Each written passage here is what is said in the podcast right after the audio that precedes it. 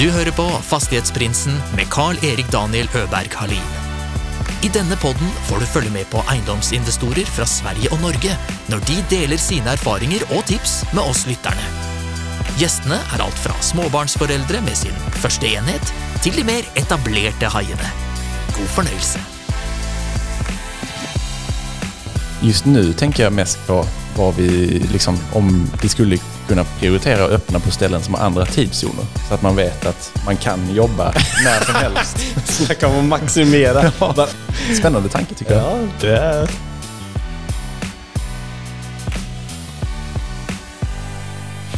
Veckans rosa gäst startade sitt första företag som 11-åring och bygger nu ett supercoolt fastighetsrådgivningsföretag med grym kultur vid namn Croisette. Som titulerar sig som världens största fastighetsrådgivare inom kort. Välkommen in Per Svensson! Tack så jättemycket. Gud vad roligt att vara här.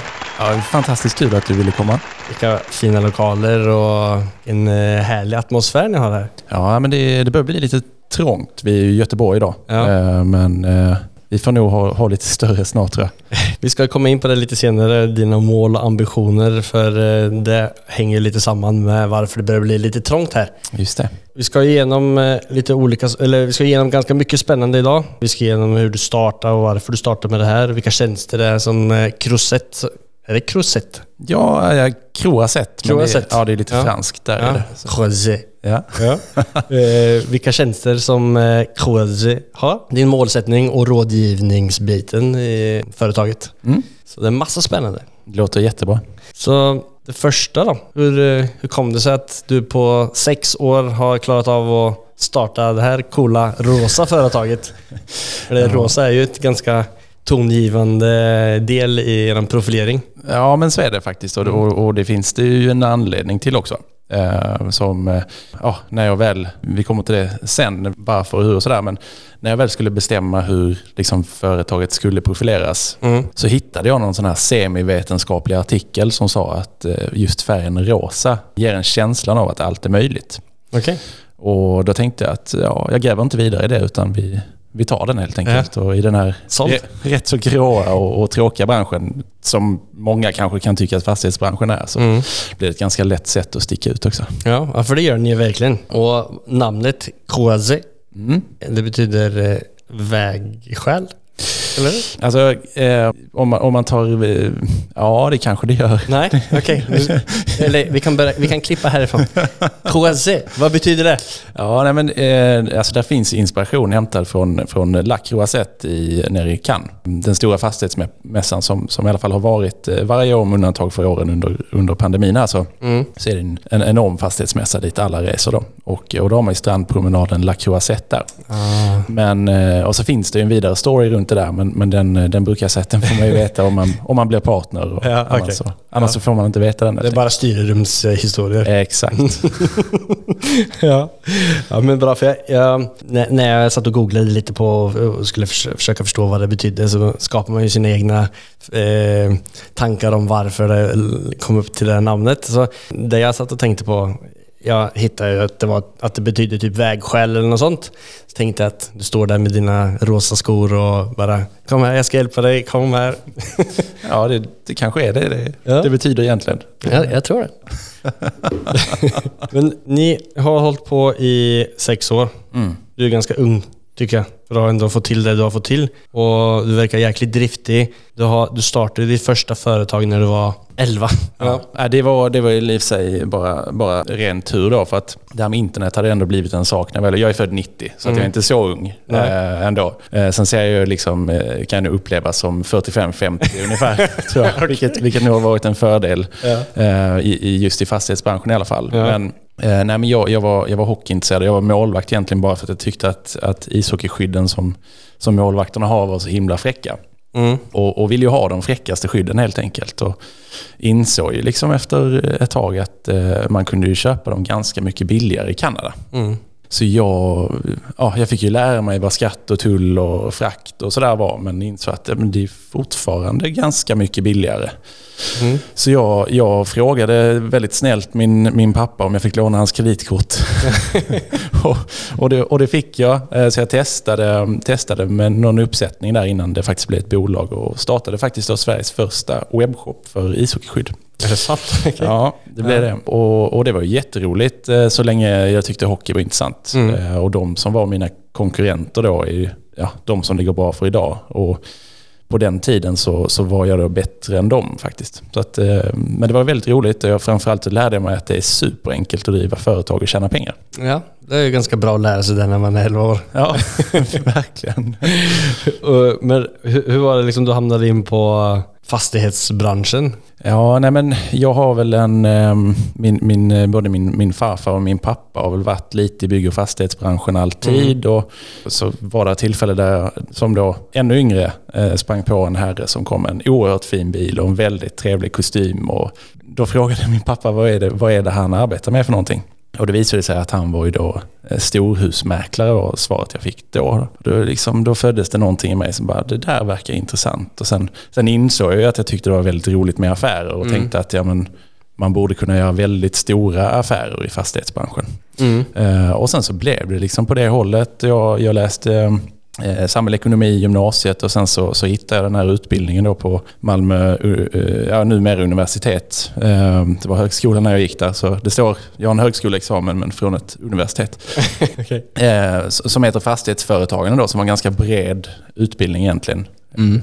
Så jag har en kandidat i fastighetsvetenskap och, och där jag tänkte väl att jag kunde gå den så skulle jag nog kunna hitta någonting i fastighetsbranschen som jag tyckte var roligt. Fastighets, förlåt att jag avbröt. Fastighetsvetenskap? Ja. Det låter som att du ska sitta och vara lite historiker om fastigheter nästan.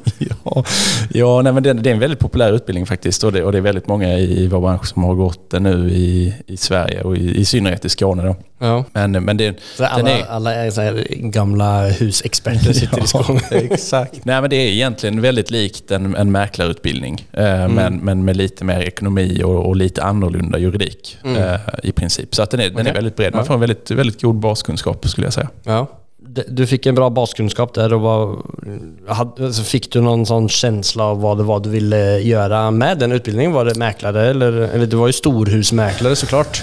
Ja precis. Nej, men alltså, sen så har man liksom en rad av tillfälligheter som leder till olika saker och jag, jag har alltid tyckt att sälj var väldigt kul. Mm. Och och, och, hade en massa olika säljjobb. Allt från till, telemarketing till liksom stå och jobba som butiksbiträde. Eller så där. Alltid tyckt att liksom den kontakten och just med har varit intressant. Då. Men så sista halvåret på utbildningen faktiskt så, så kom det ett företag som heter Dacia och gästföreläste. Mm. Och de, de berättade ju att deras liksom närmsta säljare till, till Malmö var ifrån Stockholm.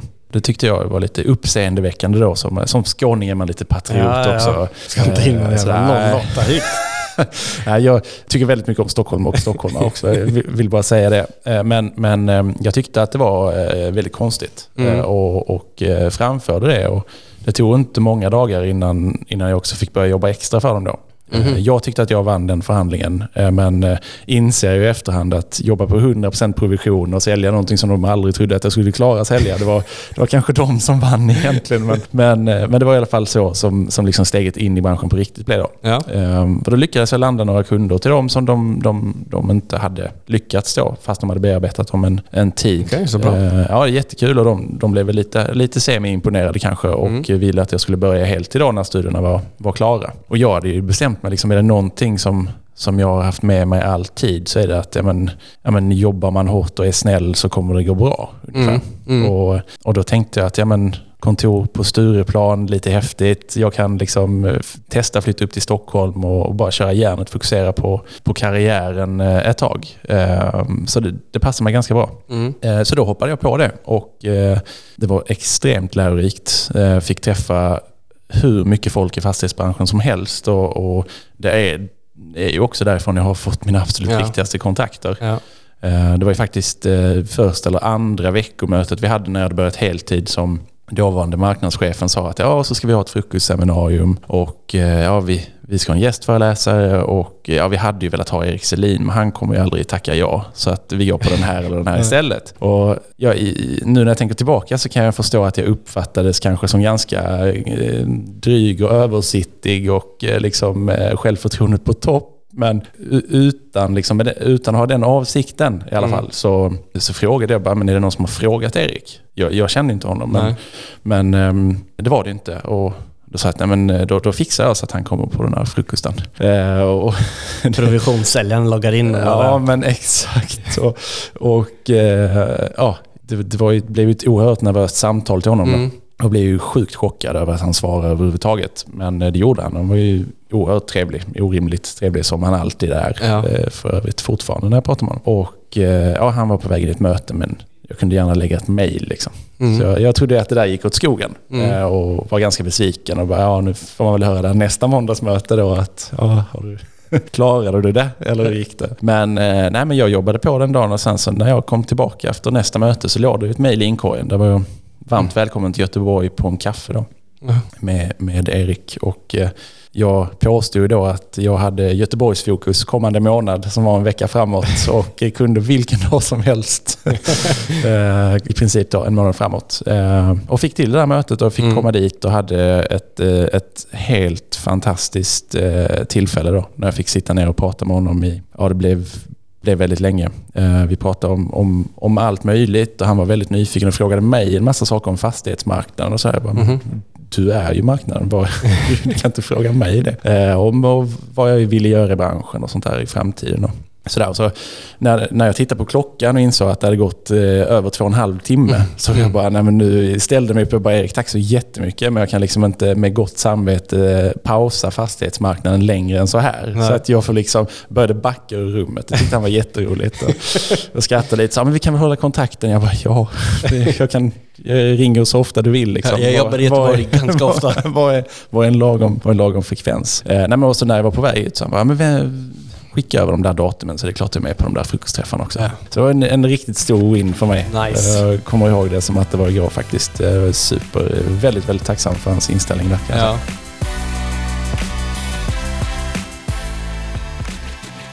Hur viktigt är kontakter i den här fastighetsbranschen? Ja, men det är ju oerhört viktigt. Eh, jag, jag, tror att det kommer att bli mindre och mindre viktigt. Okay. Anledningen till att det har varit så extremt viktigt är för att det har varit en oerhört sluten bransch. Mm. Är du inte en, eh, vad ska man säga, en betrodd person i fastighetsbranschen då, då är man liksom inte välkommen att göra affärer. Och I takt med att liksom transparensen ökar generellt sett med att liksom data blir mer och mer tillgänglig och eh, ja, sen har vi även liksom att den generella människan i stort kanske blir mer och mer förmögen också. Mm. Så tror jag att det kommer att öppnas upp mer och mer och kanske bli faktiskt lite mindre viktigt då med, mm. Eh, med kontaktböckerna. Mm. Sen är ju är ju relationer och eh, affärer är ju alltid en... Det blir ju en relation i alla fall. Ja. Eh, så, så, då kanske det... Jag tror det kommer bli lite lättare att komma in egentligen, är väl det jag säger. Men eh, att ha ett track record i fastighetsbranschen är ju i, i dagsläget ovärderligt. Mm. Så är det. Mm. Du nämnde det med det mötet med Erik som en av de viktigaste punkterna. Eh, har det någonting med starten av det här företaget att göra? Ja, men det, det har du ju faktiskt. Eh, och, och, och man, tiden gick lite grann där och jag fortsatte eh, jobba på, eh, på Dacia då med att sälja deras eh, analysverktyg och eh, var kundansvarig för alla fastighetsrådgivare faktiskt i Sverige, vilket är lite roligt nu. Så, så känner många bland kollegorna i branschen också. Mm. Eh, men efter ett tag där så kände jag att jag hade nått någon form av eh, tak av var min utveckling kunde gå och ville mer in i fastighetsbranschen på riktigt. Mm. Som jag själv tyckte att det var då. Och eh, på den tiden så ägdes ju Dacia och, och Newsec av Stronghold och på kontoret i Malmö Eh, så fanns det en öppning för att börja jobba på någonting som heter Music Investment. Mm. Eh, jag tror det har bytt namn nu till typ Midcap eller någonting sånt. Men i alla fall och, och då jobba med, med små och medelstora fastighetstransaktioner. Mm. Eller då, om man, om man vill, storhusmäkleri. Då. Eh, yes. Och, och jag kände ju att eh, det var dags för mig. Eh, jag, var, jag, jag var ju så gammal i gamet och eh, tyckte att jag absolut hade kunskapen och allt möjligt för att lösa det där superbra. Ja. Eh, så jag hoppade ju en stol till höger då för jag hade flyttat ner och jobbade för Dacia fast i Malmö istället mm. efter att jag hade lärt upp, eh, blivit upplärd i Stockholm. Och eh, det blev inte så himla lång tid där faktiskt eh, av, av olika anledningar. Men en av anledningarna blev ju faktiskt eh, på grund av att jag träffade en annan person eh, som också varit väldigt, väldigt viktig eh, som heter Jakob Karlsson. Ja. Och eh, det var faktiskt min pappa som sa till mig, han hade träffat den här Jakob och eh, han har ju en enorm energi. Som är liksom, det, är, det är en av de få människorna som får mig att framstå som riktigt arbetsskygg kan jag säga. han, är, han, är helt, han är helt galen alltså. Ja, men, men en fantastisk person Ja. och eh, oerhört framgångsrik, vilket jag förstår. Det är Mm. verkligen egenskapad framgång där kan jag säga. Mm. Nej men och han, han och jag träffades och, och, eh, och vi diskuterade någon affär och sådär. Han, han ville ha hjälp med någonting och, och eh, jag, jag förklarade varför, varför jag var den bästa för att hjälpa honom med det och hur Mm. jag skulle göra och vad, det ena med det tredje. Sådär. Och, och när vi då liksom kom fram till att ja, men så, så ska vi nog göra. Mm. Så frågade han mig lite så här, jo, jag vet inte vad han hade i, i, i tanken egentligen, men, men han frågade mig, blir, blir, blir det här bra för dig Per? Mm. Och då liksom, jag var så inne i, i, i mina tankar om hur man kunde utveckla branschen och vad man borde göra och varför saker inte hade gjorts och sådär. Så det liksom bara flöt ur mig en pitch om hur man borde bygga ett konsulthus och hur det egentligen borde funka. Eh, och vilka liksom, hur teamen skulle byggas upp och hur, hur ersättningssystem skulle vara. Och, liksom, ja. Och, dessutom var det ju så just då att det fanns ingen i Malmö, som för mig är en jätteviktig stad, som jobbade med uthyrning, transaktioner och värderingar. Som Mm. är liksom de absolut mest basala tjänsterna i, i, i fastighetsrådgivningsverksamhet. Då. Mm. Det fanns ingen som hade det under samma tak. Det var, Några år tidigare var det ett internationellt bolag som, som hade försökt i två år och sen lade de ner för att man inte fick lönsamhet i det. Och jag var helt säker på att de gjorde någonting fel. Eh, Det måste gå i Malmö. Det är tillräckligt stort, det är liksom eh, tillräckligt intressant, till och med för internationellt kapital. Och sådär. Så när jag råkade säga det till honom då så såg jag att det föddes någonting i, i, hans, eh, i hans blick. Okej. Och han tackade så mycket och så gick han och jag tror att det var en torsdag eller någonting sånt. Och sen så hade han veckovisa avstämningar med Erik Selin som jag Mm. inte då visste hade investerat i Mm. Jakobs bolag. Okej. Eh, och och när, han- när de hade den här avstämningen så, så, så, så sa Jakob typ eh, Erik, jag tror vi, vi, eh, vi borde investera i ett konsultbolag i Skåne. Och då svarade Erik bara, jaha, du har träffat Per. Så det var liksom en, en, Okej. en sån eh, fantastisk slump. Och eh, eh, när jag förstod att de kunde tänka sig att och, och hjälpa till med lite finansiering vid, vid, vid ett eventuellt behov Ja. eh, så kände jag att det här, är- det här måste jag ju göra. Liksom. Då har du en bra idé med andra ord. Ja, Mm. ja men lite så. Så, eh, så, så absolut, både, både Erik och Jakob har ju varit eh, extremt betydelsefulla Ja. för Croaset. Ja men det förstår jag. Shit vilken, eh, vilken skön eh, start. eh, Och få bekräftelse på sina tankar att... eh, Ja, verkligen. Alltså, det var ju, jag, och jag var ju, ja, det var ju fruktansvärt nervöst. Jag skrev ihop pressmeddelandet själv om att vi skulle starta och liksom Ja. bara, jag var jättenervös när jag skickade över det till dem. Fall, fall de tyckte att jag hade skrivit någonting som var bra och sådär. Var det mycket smileys? Inte, inte i själva pressmeddelandet, men kanske i något mejl. Alltså, jag vet inte, jag får gå backtracka. Ja. Kolla. Ehm, ta en liten avbreak i eh, fastighetssnacket och ta en liten eh, sju snabba om eh, Per. Helt random grejer. Oj, oj, oj. Eh, Två alternativ. Och så svarar du den som passar bäst över på dig. Ja, Okej. Klar. Jag tror det. Coca-Cola eller Pepsi? Pepsi. Samarbete eller Lonely Wolf? Samarbete. Bil eller båt? Bil. Smågodis eller Amarone? Smågodis. Aktier eller krypto? Aktier. Twitter eller Instagram? Instagram. Monaco eller Malmö? Malmö. Alla dagar i veckan. Ja, för en skåning så hade det väl det varit... Eh, hade det aldrig fått komma tillbaka om du hade sagt Monaco. Nej, det är möjligt. Nej, men Monaco hade varit eh, trevligt också såklart. Men eh, vi, vi, har, vi har säkert ett kontor där snart. Ja, den avdelningen... Eh, Är du intresserad? ja, jag kan... Räcker upp handen där. Ja, ja, nej, men det, ja, det är faktiskt en härlig känsla när man tänker så. Vi, Mm. eh, när man tänker vilka... Just nu tänker jag mest på vad vi, liksom, om vi skulle kunna prioritera och öppna på ställen som har andra tidszoner. Så att man vet att man kan jobba när som helst. Snacka om att maximera. Bara, "Nej, skicka bara över det till USA nu, att de är vakna. Ja, ja, nej, men, ja. Spännande tanke tycker jag. Ja, det är, nu, nu börjar det röra på sig i huvudet. men men det är lite så här, du har ju ganska bra mål Mm. Vi snackade ju lite om det tidigare och du har ju, eller ni har en ganska kul grej eh, tycker jag på, eh, på Instagram. Kanske det är ett av era sayings. Eh, Det står i alla fall så här. Världens största fastighetsrådgivare inom kort. Ja, det är fantastiskt. Den älskar jag alltså. Ja, det, det står på min bil också faktiskt. Ja, Eh, Ja, då, är det, då, är det ett, då är det inprintat i själen på... Jo, men eh, ja, jag vet inte. Det är liksom, eh, vi, vi har ju alla möjligheter. Alltså, vi är ett eh, fantastiskt bolag fyllt av människor som har en enorm kapacitet. Eh, och vi har ju extremt bra ägare. Eh, Även om jag äger majoriteten själv och, och, och vi har varit lönsamma som start så finns det en, en tanke om att vi ska gå via börsen och eh, för att kunna öka vår expansionsgrad ännu snabbare. Vi har uppenbarligen en idé som funkar och nu har vi börjat märka att det fungerar ju faktiskt i andra länder också. Och det gör ju att ja, alltså de enda ramarna som finns det är ju de som vi själv sätter.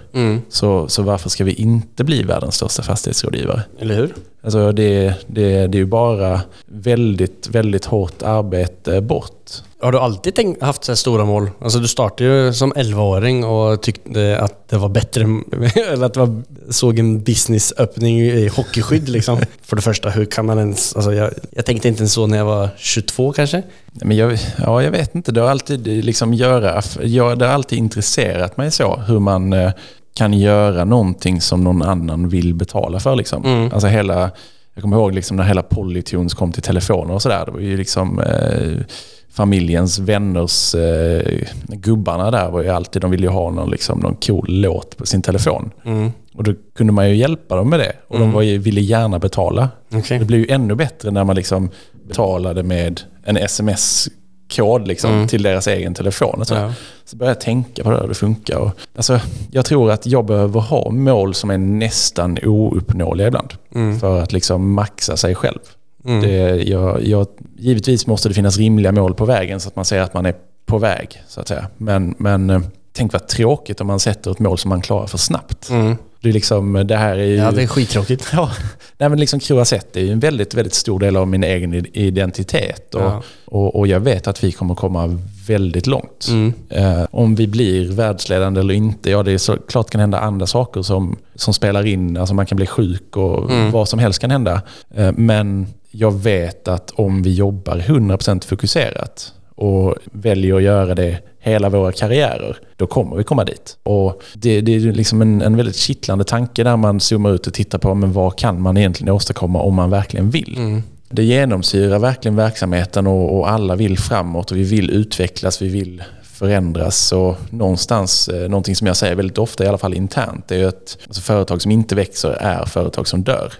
Eh, och det enda som är konstant, det är utveckling. Mm. Ja, men så är det. Så det är liksom utveckla eller avveckla och ja, vi vill framåt. Men man kan utvecklas, alltså om, om marknaden och branschen ändrar sig så må man utvecklas kanske åt vänster istället för att man, den vägen som man gick eh, Absolut. tiden. Nej, men vi har ju nu, som sagt det är inte jättelång tid, det är sex år, men vi har ju verkligen varit ett nytt bolag varje år. Vi har, ju Ja. hel, har haft helt olika behov Ja. eh, om man jämför ja, första året med, med, med detta året. Liksom. Det är ju helt olika verksamhet egentligen. Mm. Det tycker nog de flesta hos oss är roligt. Men Hur många är ni idag i, i eh, företaget? Eh, om, om, vi, om vi räknar in de som har skrivit på sina anställningsavtal men inte börjat än så är vi 105. Ja. Och när året var slut så hade ni ambition om att vara 200? Absolut. Ja, absolut. Ja, ja, det är ja, ja. minst. Ja, ja. Ja. Nej, men alltså, ehm, jag, jag tänker gärna i, i, i tillväxttakt och jag tänker gärna 100% per år. Mm. Eh, Det är någon form av, det ska vi liksom över tid klara. Ja. Eh, Sen kan det bli lite mer något år, lite mindre något år och det är, liksom, det är fine. Eh, Men, och då är det liksom viktigt att titta på inte bara, de flesta säger ja men då ska vi prata om omsättning. Ja men självklart ska omsättningen också öka 100%, om inte mer. Men, men det skulle också kunna vara så att något år så, så ökar inte omsättningen med 100% men vi ökar personalstyrkan med 100%. Vilket innebär att ja, något år senare så kommer vår omsättning vara väldigt mycket bättre. Eh, Så jag, jag försöker väl tänka så att eh, eh, det enda som är viktigare än att det går bra nu är att att det går bra sen. Och så finns det såklart massa, massa trösklar däremellan. Eh, Vi vill gärna växa med, med, med, plusresultat hela tiden. Så Ja. det blir liksom någon form av sundhetsbalans i, Har ni börjat köpa upp några sällskap? Eller? Nej, inte i någon vidare omfattning. Nej. Eh, Det har vi inte. Och, och jag tror väl mest på organisk tillväxt. Mm. Eh, Jag tror det är väldigt svårt och lyckas, om man inte hittar ett bolag med precis samma kultur som vi har, Mm. då kan det nog vara lättare i alla fall. Men annars är det, det är så himla viktigt att, att alla trivs, tycker det är roligt och har bra och fina kollegor och bra relationer. Alltså det är ju egentligen det, är egentligen det alla företag består av. Mm. Om man ska, ska hårdra det. Sen visst, vissa äger något patent och tjänar pengar passivt och så vidare. Och, och så. Men om personalen inte trivs och i synnerhet när man driver konsultbolag som, som Croaset ändå är så Mm. tror jag att det, det kan man växa organiskt istället så är det bättre. Mm. Men, men eh, sen kommer det säkert hända att Ja. eh, någon gång köper man något bolag och sådär. Men då får det nog vara någon form av plattformsinvestering så man kan växa vidare, få in i vår kultur och liksom Mm. gasa upp det på Ja, något nej, sätt. det, eller så. det, där är inte helt lätt att köpa upp ett företag som du säger, just det med kulturen och det verkar som att ni har en väldigt, eh, eller bygger väldigt mycket utifrån det. Mm. Kastar tillbaka till en sak som du sa tidigare, att jag har alltid tänkt att om man jobbar hårt och är snäll så går det bra. Ja. Har du haft någon positiv eller negativ uppfattning av att tänka så? För många branscher är ju, eh, kan ju äta upp en som är lite för snäll. Och du verkar ju vara en väldigt, väldigt snäll person, eh, bara det korta som vi har snackat eh, i telefon och här. Mm. Väldigt ödmjuk och hamnar man i en miljö som kanske äter sådana, så, som inte kan, om du förstår vad jag menar? Absolut. Nej, men, ja, alltså det, det är väl lite svårt att svara på det för jag tror också att eh, jag, kan nog, jag kan nog ha varit en väldigt jobbig anställd också. för, för att vara lite ärlig. Liksom. Nej, men jag tycker inte liksom att, eh, att vara en snäll person och att vara kravställande Nej. behöver liksom inte gå emot varandra. Mm. Och, och, och jag, jag kan nog, eh, när jag var anställd, kan nog ifrågasatt en hel del saker. Mm. Eh, För att jag, om jag tycker att någonting är rätt, då, då, då ger inte jag mig på en sån fråga förrän någon förklarar för mig varför vi inte gör på det rätta sättet. Eh, Och det är nog någon störning som finns i mig som, som gör att det är liksom, jag, jag, jag kan inte släppa det. Alltså det, det är ju det som gör hela fastighetsbranschen så intressant överhuvudtaget. Att det är liksom, där ligger så mycket saker man kan förbättra. Mm. Och det, vi vill bara göra det. Mm. Låt oss göra det bättre och så hittar vi ett sätt att tjäna pengar på det tillsammans. Liksom. Mm. Det är liksom driva förändring som nästan, det är nästan det roligaste tror jag. Men är det det som eran affärsidé är? Eller vilka, vilka kärnpunkter är det Croisset eh, jobbar med? Ja, men vi, vi har, vi, från absoluta början så började vi då med de absolut mest traditionella affärsområdena egentligen som finns inom fastighetsrådgivning. Då. Det är ju transaktionsrådgivning, det vill säga köp och sälj av kommersiella fastigheter. Kommersiella fastigheter, då menar vi alltså multitenant hus egentligen. Eller, och det kan vara byggrätter som ska bli någonting och så vidare. Eh, och, och, och det är liksom traditionellt eh, mäkleri fast i 99% av fallen så är det aktiebolag man säljer med fastigheter som ägs av bolagen. Så det är liksom egentligen skillnaden mellan mäklare och transaktionsrådgivare om man ska liksom hårdra det. Då.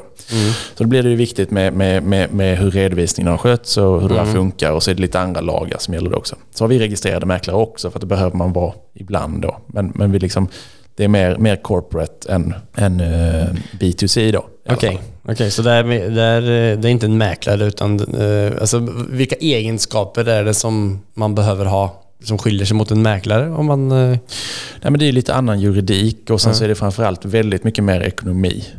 Och nu kommer vi väl in lite grann på det som jag tycker också att vi är med och förändrar lite i just det affärsområdet också. Att, ja, men ska, du, ska du sälja någonting som har 50 stycken kommersiella hyresgäster, mm, ja då behöver en transaktionsrådgivare gå in och titta så att ett, alla hyresavtalen är korrekt undertecknade. Finns det en signatur på varje sida? Är, är de lagliga? Har de rätt indexklausuler? De li- liksom löper de på rätt längd för att få lov att ta ut index och fastighetsskatt som tillägg? Alla sådana basala grejer.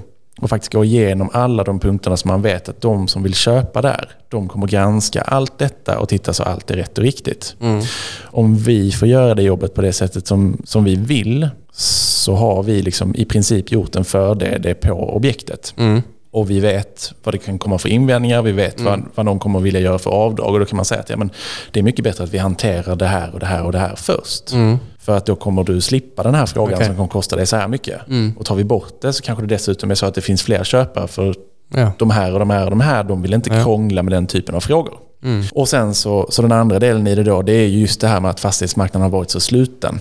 Och att det är så här, men det är hysch, hysch man ska inte sälja, man säljer off market och sådär. Det är egentligen i liksom de allra flesta fallen jättedumt. Varför önskar en säljare att sälja off-market? Alltså jag kan ju, eh, utifrån en köpares perspektiv så, så är det ju eh, många som tänker att eh, off-market är bättre deals att, få, att finna. Men varför vill en säljare eh, sälja off-market? Nej, men det är ju eh, på grund av att det finns eh, sådana som oss som har valt att göra det lätt för sig och se till att ens bästa kompis eller ens bästa kund eller någonting ska få lov att köpa. Mm. I de allra flesta fallen. Ibland kan det vara känsligt om man är i en pågående hyresdialog med ett stort hyresavtal. Då kan mm. det vara känsligt om det kommer mm. ut så att säga. Ja. Men, men fortfarande finns ju möjligheten att gå ut till en bredare skara än tre, fyra stycken. Det är mm. väldigt vanligt att man undertecknar ett, ett NDA för att få lov att titta på, på någonting som är till salu. Eh, så, så egentligen så finns det inga ursäkter för att, att gå bredare än till en handfull. Mm. Um, och, och, i de allra flesta fallen så skulle det inte göra någonting om det var helt öppet. Men dit har vi inte kommit riktigt än, vilket jag tycker är väldigt konstigt. Mm. Så, så det, förlåt, men det, det är ett, ett av våra affärsområden, ja. transaktionsrådgivning, mm. ett, ett mm. av våra större mm. Som fanns med från början. Mm. Eh, och sen så har vi affärsområdet eh, leasing då, eller uthyrning, det vill säga lokalmäkleri. Mm. Eh, superenkel business, eh, jätterolig, väldigt mycket sälj. Det är sälj på båda sidorna. Mm. Du, du har en uppdragsgivare som är en fastighetsägare mm. och sen så ska du hitta en kund som är en hyresgäst. Mm. Och sen om vi lyckas göra den affären så, så tar vi en, en commission då mm. på eh, några procent baserat på, på hyresavtalet. Mm. Och, och där, det, det är nästan, ja, nästan skämmigt att säga det men, men, men jag säger det ändå. För att när, när vi började eh, från absoluta början och, och och absolut först in, det var jag och min gode vän och vår vice mm. vd och tillika partner Peter Bergqvist som är, mm. är ansvarig för eh, leasingbenet. Då. Mm. Eh, ingen av oss hade gjort ut en lokal någonsin. Nej. Vi visste inte hur man gjorde Nej. överhuvudtaget. Vi visste inte hur man tog betalt, vi visste inte hur det funkade och sådär. Mm. började kolla runt lite hur andra gjorde för att se hur man skulle göra och insåg liksom att ja, vi kanske ska testa någonting annat än det än det de gör. Ja. Så vi var väl kanske lite mer uppsökande än, än, eh, än våra kollegor i branschen i alla fall på den tiden. Och var, var faktiskt de första, i alla fall i Sverige, som, eh, som började använda social media för att marknadsföra lediga lokaler. Mm. Och som sagt, vi startade ju liksom för sex år sedan. Okay. Så då, då inser man hur mycket det finns kvar att göra i fastighetsbranschen. Ja. Vilket är oerhört spännande. Så det, det är också ett affärsområde som är väldigt stort och går ja. väldigt bra. Eh, och, och, det är liksom aldrig en nackdel att anlita oss utan vi kostar ju bara pengar om vi kommer med någonting som faktiskt blir en affär. Mm. Eh, vilket är en, ja, oerhört positivt tycker jag. Då. Men är, skiljer det sig åt mot eh, andra? Det finns, de som, det finns andra som har samma modell som vi där. Men, eh, men det finns, finns många som vill ta betalt för, för marknadsföringsåtgärder och sådär mm. också. Mm. Vi, vi vill helst av allt ta betalt när vi gör bra ifrån oss. Mm. Det vill säga levererar ett, eh, ett skarpt avtal. Mm. Och sen så har vi då värdering analys som också var med från, från början. Mm. Eh, där vi har då auktoriserade fastighetsvärderare som, mm. som kan eh, inför en finansiering av, av, av ett förvärv till exempel mm. kan, kan lämna ut ett värdeintyg som, som, som banken då tittar på. Mm. för att genomföra finansiering. Så det var de tre vi startade med. Mm. Och, och, det är också det vi egentligen har, har börjat med i Danmark och på Island då, som mm. också finns. Mm. Eh, och sen i Sverige så har vi liksom tjänsteutvecklat ytterligare lite grann. Och eh, eh det var en ganska rolig historia, tycker jag i alla fall. Ja. Du får säga om du tycker den är kul. Sen när jag är färdig får du säga. Men vi blev, ganska, blev ett ganska attraktivt gäng där i Malmö bland unga i fastighetsbranschen. Man tänkte så här, det var roligt att jobba på Croisette och sådär. Mm. Så, så lyckades vi anställa en tjej som jobbade hos en av våra kunder. Mm. Eh, och den här kunden blev inte superglad på oss då för att vi, vi, vi tog den här oerhört kompetenta medarbetaren från dem. Och vi insåg ju att vi har så många personer med precis de egenskaperna som söker jobb hos oss. Okay. Så jag liksom funderar på, vågar jag liksom ställa den här frågan eller vågar jag inte? Men jag, jag tänkte att jo, men jag testar. Så jag ringde upp kunden och, och ja. pratade med, med ansvarig där och sa att jag tror eh, Eh, liksom, vi är ledsna att vi har satt i den här situationen eh, här, men jag, jag, tror kanske att jag har en lösning. Jaha, vad är det? Bara, vi, vi har en person som vi skulle vilja anställa men som vi inte riktigt har liksom belägg, eller vi, vi har inte tillräckligt att göra för att fylla, fylla hans arbetsdagar ändå. Mm. Eh, men eh, jag kan tänka mig att, att anställa honom och hyra ut honom till er. Mm. För att ni behöver ju den personen mm. för att täcka den personen som är anställd. och, och, och, det gick jättebra. Nu är han hos oss och eh, tror att vi, vi även löste en slutrekrytering till kunden då när, när han kom tillbaka. Så att Ni har börjat med lite rekrytering och uthyrning av Precis. kompetent eh, fastighets... Ja, vi, vi kallar det för Human Capital, Ja. eh, Croisette Human Capital. Så Ja. rekrytering och bemanning i fastighetsbranschen. Fasen vad kul eh, du bara ser en möjlighet och go get it. Ja, men det var väldigt, eh, väldigt, det har varit väldigt roligt och lärorikt Ja. ska jag säga. Och, och- och det växer på det benet faktiskt. Och där har vi ju då fått det, det oerhört stora förtroendet att faktiskt få rekrytera åt väldigt många av våra kollegor i branschen. Så, Ja, ja. ja, Ja, så vi har okej. faktiskt... Och, och det, det, det, det är ju givetvis ett, eh, eh, någonting som vi, eh, vi är väldigt stolta över och eh, behandlar på ett oerhört professionellt sätt. Mm. Men eh, jag ska vara ärlig säga att jag trodde nog kanske inte själv att det skulle bli en så stor kundgrupp för oss Nej. och, och rekrytera till andra fastighetskonsulter. Men superroligt, Ja. verkligen. Eh, Finns det andra fastighetskonsulter, eller eh, alltså sådana som eh, rekryterar, är specialister på att rekrytera inom fastighetsbranschen? Om det finns fler än vi? Ja. Ja, men de behöver vi inte prata så mycket om. Nej, nej. men det nej. finns. Ja. Nej, det ingen, jag har aldrig hört om någon i alla fall. Så. Nej, men det är klart det gör. Det är Ja. klart det gör. Men, men eh, vi börjar bli ganska stora. Ja. Faktiskt. Det är, så det är väldigt roligt. Ehm, och sen, sen har vi egentligen två affärsområden till då som än så länge bara finns i Sverige. Eh, och eh, ett av dem är ju ganska traditionellt. Vi, vi kallar det för digital förvaltning egentligen. Så vi, vi eh, försöker på, att, på ett liksom, ännu mer digitalt sätt än kanske vad, vad andra tänker hur man ska göra det. Ta hand om administration och ekonomisk förvaltning då, Mm. åt, åt kunder helt enkelt. Mm. Och eh, utveckla det där benet jättemycket. Spännande. Så det kommer nog kunna Ja, bli en, en stor helhetslösning väldigt, väldigt snart. Ja. Men helt as a service då. Mm. Och, så där, där ser vi en väldigt ljus framtid. Ja. Eh, och sen det sista affärsområdet, Mm. eller det senaste ska jag nu säga, för det, det kommer säkert något mer. Men det är att vi har skaffat oss, eh, det är att vi har skaffat oss tillstånd av Finansinspektionen då, som man Mm. behöver för att få bedriva försäkringsförmedling. Då, Aha. nischad mot fastighetsbranschen också. Ja. För jag tänkte så här att, ja, men varför, alltså, eh, det är ju tillgångarna i fastighetsbranschen vi jobbar med varje dag. Det är Ja. ju liksom, det är väldigt relevant att de är rätt försäkrade. Mm. Eh, och, och det är det ingen annan fastighetsrådgivare som har gett sig in i. Sådär. Nej, Och när jag börjar liksom lära mig om den, Mm. den branschen, om man tittar på den generella försäkringsförmedlingsbranschen funkar, så inser jag att men, det här är ju liksom någonting som vi skulle kunna göra en jättebra business av, som kommer kunna spilla över på vår rådgiv, rådgivningsverksamhet också. Mm. Så nu har vi faktiskt skapat en produkt som vi, som vi har färdig och börjat leverera till några kunder där vi vi kostar ingenting för kunden. Vi tar över alla avtal befintliga som de är. Men erbjuder dem en ny lösning som gör att, att värdena på deras fastigheter faktiskt går upp. Okej. Oerhört trevligt. Ja, det lät ju som att det var en trolleristav inblandat där. Nej, men det, ja, det är ju inte det, men det är så jäkla mycket tillstånd och eh, krångel med, med de här eh, diri- EU-direktiven och allt som finns. Jag är tvungen att, att, plugga för att få lov att och, och vara med i det här bolaget som, som sysslar med det här överhuvudtaget. Och det tror jag också har gjort att den branschen ligger, ligger lite efter. Då. Så, så då tar vi gärna eh, pinnen för bygg och fastighetsbranschen och ser till att, att vi, vi hjälper den och, och får, får rätt förutsättningar för att kunna ha eh, egentligen rätt försäkringar då, helt enkelt. Men shit alltså, det yeah, så jag blir superimponerad. Vad kul. Eh, Bara gå så fort och hoppa på alla spännande möjligheterna. För det, det verkar ju som att du har ett skarpt öga för vilka saker som kan förbättras. Eller som du menar att du kan förbättra. Och när man har den inställningen så är det ju i alla fall värt att testa det. Nej, men sen är det klart att man, eh, som sagt, om man känner sig som 45-50 så kanske det handlar om att man, man, man inser att saker är, är jobbigt och tar tid och kräver arbete och så vidare. Men det finns ju så enormt mycket saker och, eh, att göra bättre. Alltså. Det, Och det är jätteroligt tycker jag.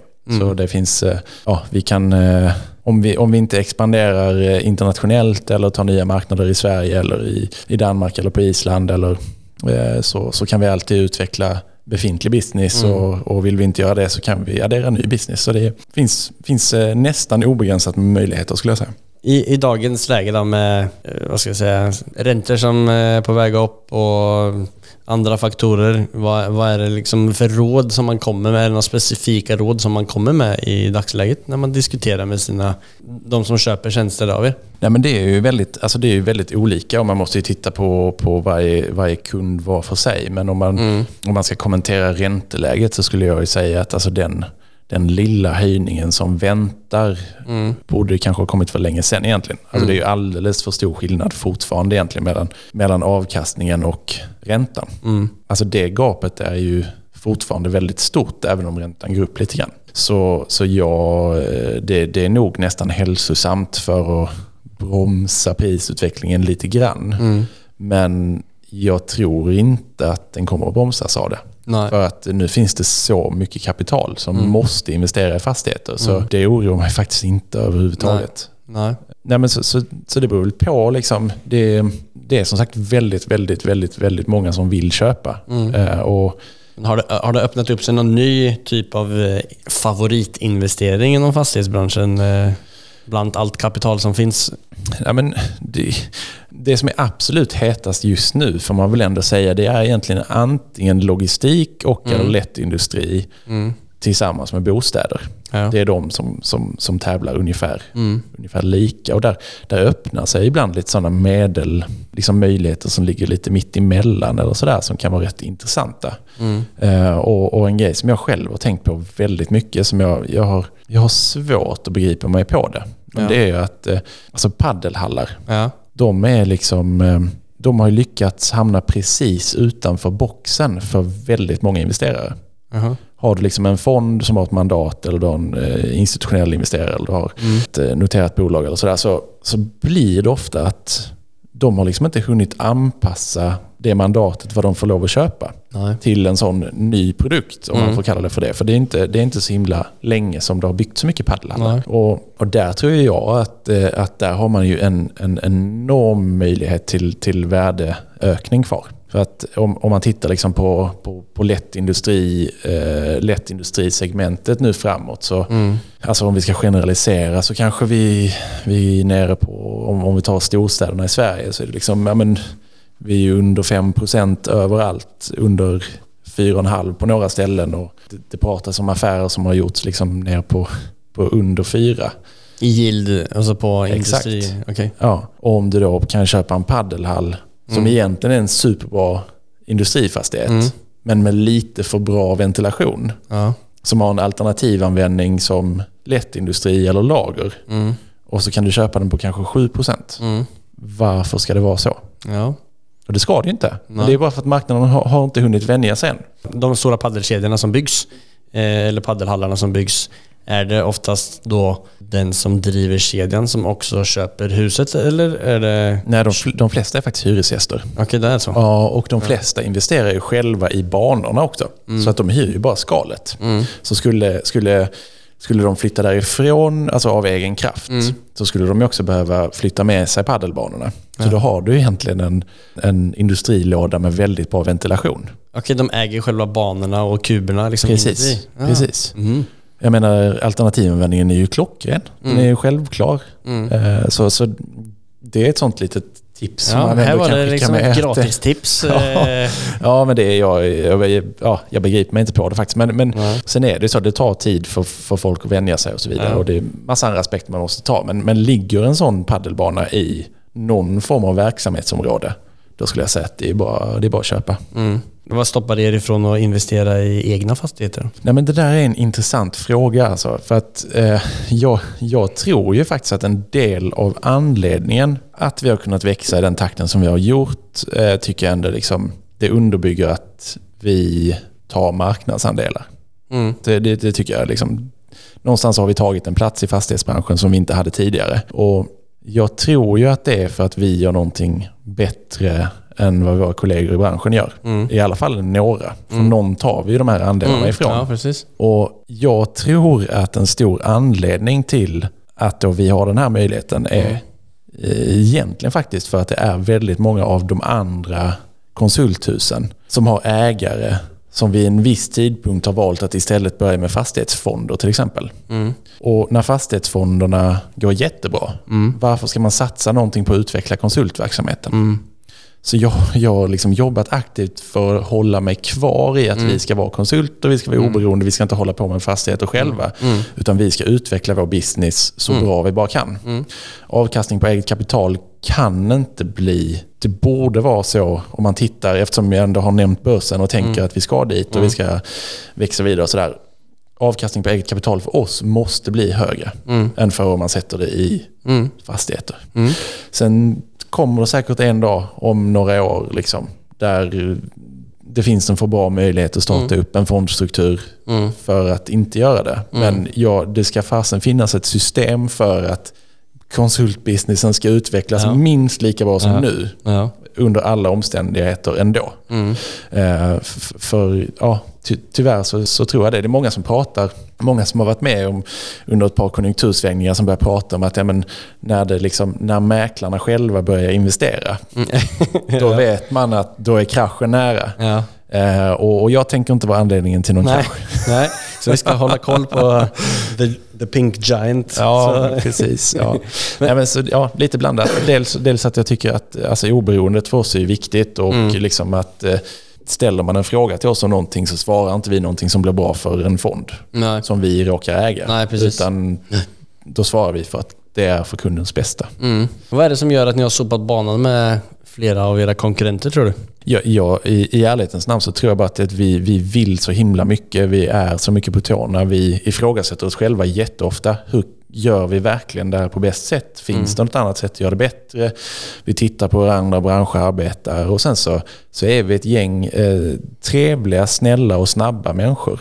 Vi har liksom en snittålder på 30 och ett halvt och ja, jag vet, branschsnittet, det, det, jag vet inte ens om jag vill säga vad, vad det är, men det, Ja. det, det är ganska mycket högre. Så vi har en, en, en, ett jäkligt högt tempo. Mm. Jag, jag, jag tror att vi har en, en annan profil som gör att vi, vi vill verkligen prestera.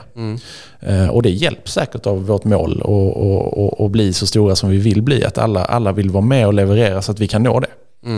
Eh, så det smittar av sig direkt till våra kunder. Men det är ju också det att ni sticker ut, ni är lite rosa och det är ju helt på andra, skal, andra sidan skalan än eh, de flesta fastighets... Eller alla bolag som håller på inom fastighetsbranschen. Eh, Det måste ju göra att man attraherar en lite mer sprudlande personlighet som i sin tur eh, måste uppfattas väldigt härligt på köparens sida sen också. Ja, alltså vi, vi, vi vill väldigt mycket eh, och vi försöker väldigt hårt. Sen, sen vilket av allt som är anledningen, liksom, det, det är väldigt svårt. Det är nästan vi får gå ut med en kundundersökning och fråga Ja. varför de valde att bli kund till oss. Men vi målar gärna upp oss som, som alternativet till de traditionella. Och, och, och det är för att vi, vi gör lite på ett annat sätt och har framförallt ett annat mindset. Och, och försöker verkligen så mycket vi kan. Och ja, uppenbarligen så, så funkar det lite grann i alla fall. Ja, ganska bra tycker jag det låter som. ja, men skitbra. Då hoppar vi vidare till vårt nästa segment som heter Affärsanalysen. Det är det segment där våran gäst delar med sig om en genomförd affär och delar med sig lite smått och gott om det. It has not been easy for me. And, you know, I, I started off in Brooklyn. My father gave me a small loan of a million dollars. Affärsanalysen. Nu är ju du i en annan position än eh, de flesta traditionella gästerna som eh, vi har med här. Så har du eh, tänkt på någon typ av affärsanalys som kan vara lite spännande att dela med sig om ifrån ert segment? Ja, men jag, jag, jag tänkte lite grann och, och vi var inne lite tidigare på liksom diskussionen om off-market och inte och sådär. Och Där, där har vi ett spännande, ett spännande case där vi faktiskt hamnade i, i, en, i en situation som, som bevisade då att, att eh, en bredare marknadsföring faktiskt gör det bättre för kunden. Om man då tänker eh, bara jämförelsevis egentligen så, så vill ju de flesta som säljer sin bostad i Sverige att den ska ut på Hemnet. För att man tänker att om alla ser den så vet alla att det är till salu. Då kanske vi hittar den som betalar bäst. Och egentligen så är det ju, funkar det ju på samma sätt eh, på den kommersiella sidan. Vi får, det är fortfarande människor som gör affärer. Och, eh, av någon konstig anledning så är det så här att en, liksom, en, en budgivning på den privata sidan är ju ibland det som gör att det dyker upp en ny köpare. För att någonting som andra vill köpa vill de också köpa. Det är himla rolig och konstig psykologi det där. Men på kommersiella sidan så har man liksom fortfarande haft den här off market och det dyker upp en köpare och de är villiga att betala bäst. Och vi, vi hamnade i en situation där vår kund hade fått ett bud då innan vi hade gått ut med någonting. Eh, och eh, den här köparen då sa ju att "Ja, men vi kommer inte köpa det om ni går ut med det i marknaden. Och så frågade kunden oss, men ska vi inte ta det här budet då? Så bara, Nej, fast anledningen till att de vill köpa det innan är ju för att de är rädda att priset ska gå upp. Det är ju det det, är det, det säger. Men ja, men tänk så hoppar de av nu om vi går ut. Och så blir det ingen affär. Så bara, nej, den risken finns ju. Men vi är tämligen övertygade om att det finns andra som är villiga att betala samma eller kanske lite mer. Och det slutade med att vi fick ut med den här produkten. Och eh, gick till, till då ytterligare ett antal, jag kommer inte ihåg exakt hur många det var. Men det fina i den här historien var att det slutade med att samma köpare som hade lagt budet från början, som absolut inte skulle köpa om vi gick ut brett, köpte och betalade ungefär 10 miljoner mer. Och det liksom i sig, det var så himla skönt att kunna komma tillbaka till den här kunden och säga "Men titta, vad var det vi sa? Liksom. Mm, ja, nej, men det Eh, det var ett rätt råd och inte på något sätt liksom told you, utan Nej, nej. bara skönt. Vi, Nej, vi hade rätt, analysen var korrekt. Liksom. Ja. Och så funkar det liksom med nästan alla transaktioner egentligen. Mm. Det, är liksom, det finns det här invanda beteendet att nej, men man ska göra det lite off market och det är, lite, liksom, det är bara vi i branscherna. Det är de här, de, här, de här gubbarna som får titta på det och ingen annan. Ja. Nej men superkul, det var spännande, bra, eh, rådgivet i, i den situationen. I det fallet blev det så i alla fall. Så det, var, det var väldigt, eh, väldigt kul och kunden var väldigt nöjd också. Ja. Att, eh, Ja men grymt, då eh, springer vi vidare till eh, vårt nästa segment som heter Fyra frågor. mm. Det är de samma fyra frågorna som eh, vi ställer vår gäst. Den här är jag nervös för. Är det, är det sant? Ja. Men du har gjort väldigt bra förberedelser kan jag tänka mig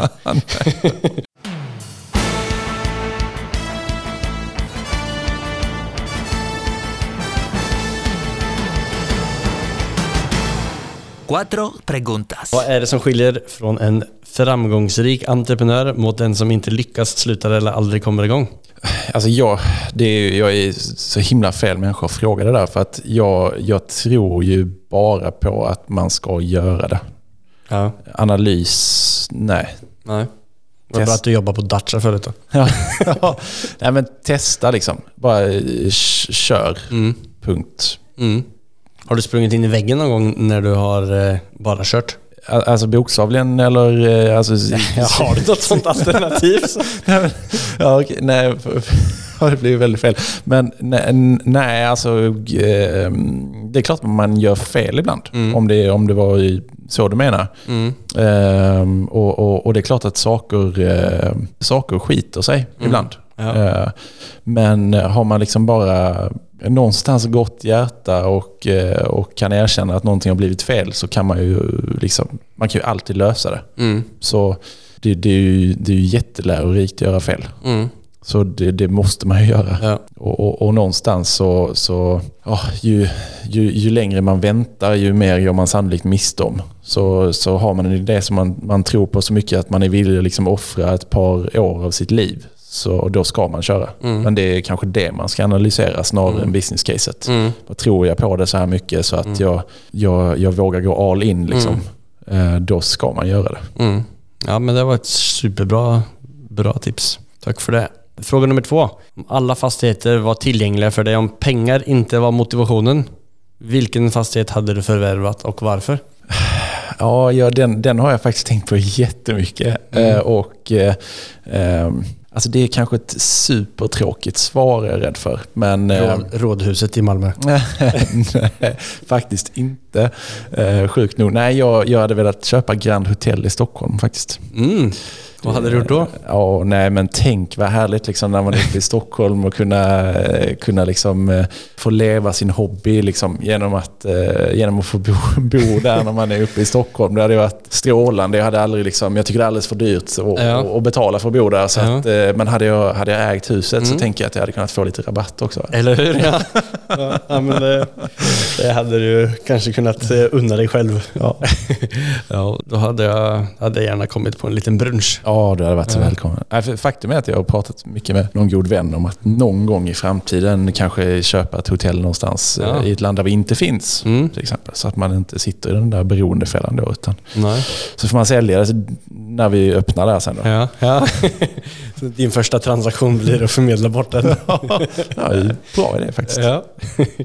Tredje frågan då. Bästa boktips för en som är intresserad i fastighetsinvesteringar. Vi kan ju modifiera den också. Fastighetsrelaterade saker. Ja, nej, men där, där är jag, jag tycker inte om att ljuga. Eh, Nej. Så att eh, jag, jag, måste ju bekänna att jag läser inte böcker. Nej. Av någon konstig anledning så, så gör jag aldrig det. Utan eh, jag, eh, om jag får ett boktips av någon, Mm. vilket jag väldigt ofta får, vilket Ja. är jätteintressant, så ber jag alltid dem sammanfatta vad, Ja. vad var det mest Är det, intressanta. är det, ja. Och där får man allt det matnyttiga. ja, jo det är sant. Eh, Så, så jag har inget boktips. Nej. Men, eh, så, så ditt tips är egentligen be alla andra läsa böcker och så summera dem till... Ja, men alltså jag vet inte hur många gånger jag refererar till boken eh, Power of Now. Hur många gånger som helst. Ja. För att jag fattar vad den går ut på. Ja. Och det är ju säkert en skitbra bok. Mm. Men liksom kontentan av den, den har du i titeln. Mm. Så du behöver inte läsa den utan... Nej. Nej, men det är sant. Jag läser...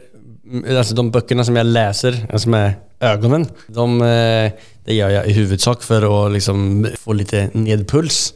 Men annars så lyssnar jag mycket på eh, ljudböcker. Ja. Och när det är, eh, antingen om jag ska ha fått ett tips eller om jag ska undersöka en bok så finns det, det finns några appar som summerar böcker också. Är det sant? Ja, som, som det är folk som har eh, läst en bok och eh, plockar ut de liksom 15 viktigaste bulletsen i boken och så på 10 minuter så får du en summering. Det är svinbra. Oj, ja, den är ju... Blinkist tror jag den eh, ena appen som jag använder heter. Ja, ja det, det låter som någonting för mig. Ja, ja men det, är, det är riktigt bra. Sen är det lite ofint så. Inte, alltså det är väldigt... Eh, det, det är ju bara... Man är en dålig människa om man inte läser böcker. Så därför är det lite pinsamt att, att säga Ja, ja, men det, det, det stryker under. Man är en riktigt dålig person om man inte...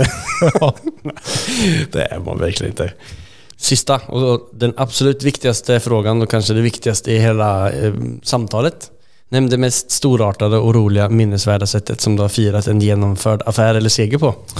Ja, eh, herregud. Vad ska vi ta där? Nej men det är ju tillsammans med eh, kollegorna och det måste väl... Eh, ja, det, det, så det här blir en ganska sorglig historia egentligen. Okej? Ja, för att alltså jag, eh, jag visualiserar väldigt mycket. Jag, tycker jag, jag, jag är väldigt intresserad av psykologi, ska Ja. jag säga. Och, och just att visualisera är någonting som jag gör extremt ofta. Mm. Så gå ut och gå på kvällen med skitpeppande musik i öronen och eh, har ju liksom spenderat eh, ett par år av att gå och visualisera hur vi skulle vinna årets gasell. Hur det skulle firas. Eh, och du vet, det är en stor gala och det ena med det tredje. Så. Eh, och när vi då lyckades vinna årets gasell så hade vi den här fina pandemin. Ja.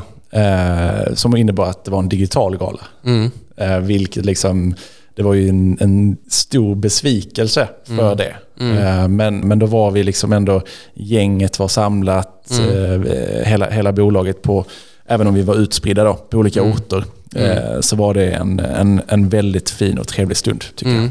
Ja, det, det kan ha varit något alkoholhaltigt inblandat och sådär. Ja, det kan ha varit det. Så, Ja. Men så, så lite liksom, vi, vi måste verkligen vinna då årets supergasell som Ja. är för, för Sverige. Så vi Ja, kan, kan, när pandemin är eh, över Ja så- men precis, nu är det dags. Ja. ja, men det är viktigt. Du är bra på att hitta nya mål utifrån målen. ja. Vi börjar närma oss eh, slutet. Det har varit jäkligt kul att sitta och lära mig massor om eh, dig och hur Croaset fungerar. Ja, men tack så jättemycket. Det har varit superkul. Det är ju tråkigt att det närmar sig slut. Ja, det är det verkligen. Innan, innan jag ska lämna dig här helt så är det någon branschkollega som eh, du skulle vilja passa vidare bollen till eh, som jag kan kontakta och fråga om de vill bli intervjuad. Ja, men eh, jag, jag tycker verkligen att, att du borde prata med, med Jakob Karlsson ju, Mm. på K-fastigheter. K-fastigheter, ja. Som sagt, han, han är en av de få som får mig att känna mig riktigt arbetsskygg. Eh, och, och han är dessutom en, en oerhört fin person. Så, Ja. och han har en extremt rolig story om hur det liksom Ja. går från Jag har, eh, jag handsnickrat har, hus till vad K-fastigheter är idag då. Jag har faktiskt han eh, som en... Eh, innan, precis innan jag startade podden så var han en av de topp 10 som hade varit kul att intervjua. Så Precis eh, på raden under mig. ja, det var som... Det stod Per, Per, Per, Per, Per, Per, Per och sen så kom, eh, kom han. Ja, men jag ska säga till honom att han får tacka ja. Ja, det får du verkligen göra. Ja, men tusen tack för det. Och tack så jättemycket för att jag fick eh, komma och eh, sitta i era fina lokaler och lära mig massor av er. Självklart. Tusen tack till dig. Och får du ha en fin dag vidare och hoppa in i mötet. Tack så mycket. Ja. Ha det gott. Ha det. Kultur. Vi var inne på det i avsnittet och jag kände av det när jag kom till Göteborg. Det här är ett företag vars kultur nästan går att ta på. Vem vill inte jobba i ett företag som kastar sig över alla spännande möjligheter och har sådana ambitioner? Även om detta inte var ett traditionellt avsnitt så har jag lärt mig extremt mycket. Det ger mer förståelse för hur branschen fungerar när man får en pusselbit till i värdekedjan. Hoppas ni har lärt er massor också. Gå jättegärna in och ge feedback på Instagram eller LinkedIn där vi heter Fastighetsprinsen. Där finner du mer info om vad jag, Per och alla andra gäster gör. Nu kommer Per här på sin häst Rosa och han ska ta mig med till Monaco för att lära mig vad riktigt stormäkleri går ut på. Ha det igen!